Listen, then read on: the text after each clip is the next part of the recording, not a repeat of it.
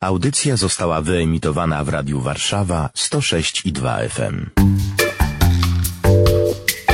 Recepta na zdrowie. Recepta na zdrowie. Recepta na zdrowie. Dr Marzanna Gadomska, diabetolog, lekarz zajmujący się chorobą otyłościową, jest ekspertem w tym tygodniu w audycji Recepta na zdrowie. E, Mówiłyśmy o indeksie glikemicznym. Pani doktor, a chciałabym porozmawiać teraz o cukrze. Co takiego dzieje się w naszym organizmie i jak nasz organizm zachowuje się wtedy, kiedy cukru jest za dużo, albo wtedy, kiedy cukru jest za mało? Y, Żeby odpowiedzieć na to pytanie, kiedy jest za dużo, kiedy jest za mało cukru w naszym organizmie, należy wiedzieć, jaki jest y, prawidłowy poziom tego cukru. Metabolizm glukozy w warunkach prawidłowych jest bardzo y, precyzyjnie regulowany. I stężenie y, glukozy we krwi utrzymuje się na względnie stałym poziomie, około 80-90 mg procent i jest najbardziej stabilne ze stężeń wszystkich związków będących źródłem energii. I badając cukier w sposób przygodny, czyli o dowolnej porze dnia, niezależnie od pory ostatnio spożywanego posiłku, czyli ten cukier z palca na glukometrze, wiemy, że gdy jego stężenie przekracza 100 mg procent, to wówczas należy sprawdzić, jaki jest poziom cukru y, naczczo. No, mówimy cukru, czyli inaczej glukozy. I wtedy przygotowujemy się już do badania i takie badanie przeprowadzamy po przerwie w jedzeniu, żeby być naczczo około 8 godzin. I przychodzimy rano, e, rano do laboratorium na pobranie krwi. I Polski, y, Polskie Towarzystwo Diabetologiczne y, zaleca wykonywanie takich badań przesiewowych w kierunku cukrzycy y, u każdej osoby, która ukończyła 45 rok życia i takie badanie się robi jeden raz na 3 lata.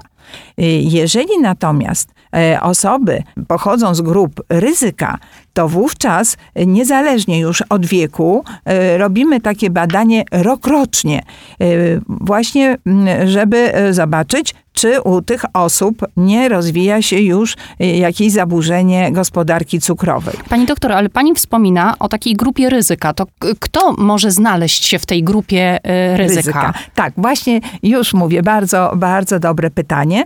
Y, Wysokie ryzyko y, zachorowania na cukrzycę typu drugiego stwierdza się u osób z nadwagą, u osób z chorobą otyłościową. Y, To często właśnie u tych osób em, może dochodzić do zaburzeń gospodarki y, cukrowej. Może y, na razie wymienię czynniki ryzyka, a omówię, jak y, jeszcze możemy, po czym rozpoznać tą chorobę otyłościową, Proszę. ja- jakim badaniem. Osobami z czynnikiem ryzyka będą na pewno wszystkie osoby, które, u których rozpoznano nadciśnienie tętnicze, czyli nadciśnienie powyżej 140 na 90 jest tym czynnikiem ryzyka.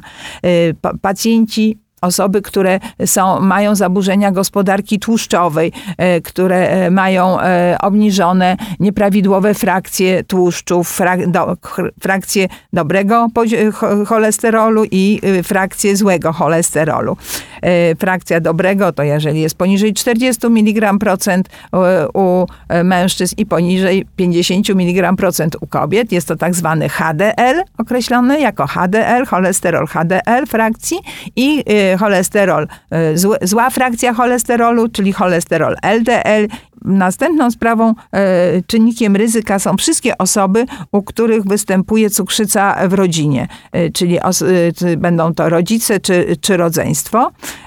Na pewno też wszystkie osoby z chorobą układu sercowo-naczyniowego należy sprawdzić pod tym względem. Bywa często tak, że właśnie pacjent trafiający z zawałem czy udarem e, okazuje się, że jest to powikłanie wcześniej istniejącej cukrzycy. O której nawet pacjent mógł absolutnie nie wiedzieć. E, Tak, tak, właśnie jest e, tak. E, Dlaczego, mówimy o tych badaniach koniecznych do wykonania, badaniach przesiewowych? Bo jest choroba, cukrzyca jest, można powiedzieć w cudzysłowie, cichym zabójcą.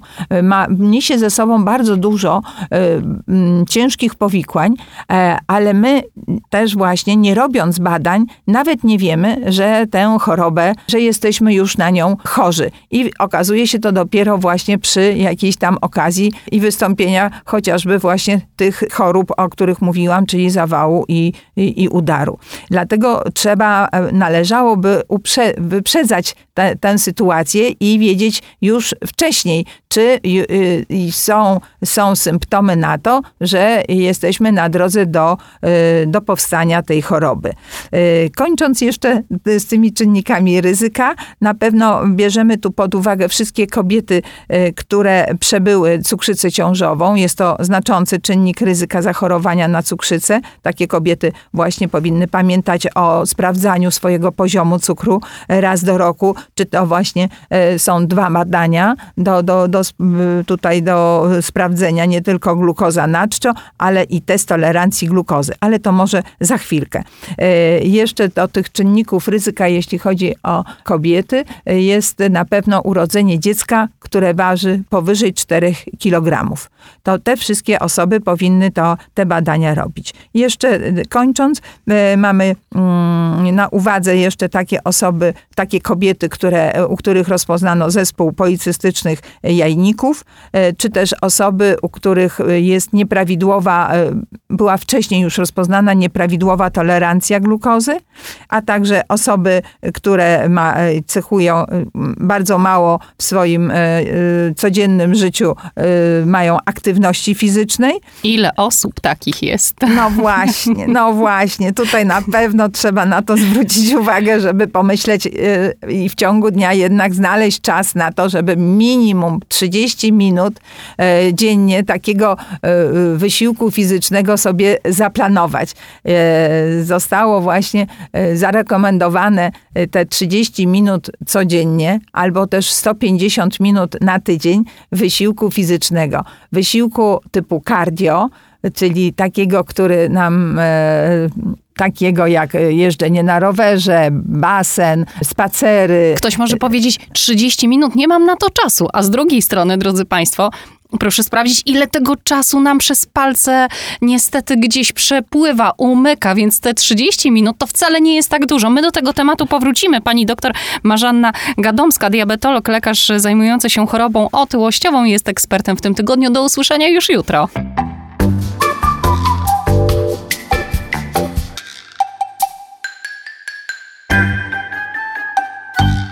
Radio Warszawa nagrywa i udostępnia nieodpłatnie audycje takie jak ta. Dzięki wsparciu finansowemu słuchaczy i przyjaciół. Wejdź na www.radiowarszawa.com.pl i wpłać darowiznę. Wzmocnij nasze dobre fale. Dziękujemy.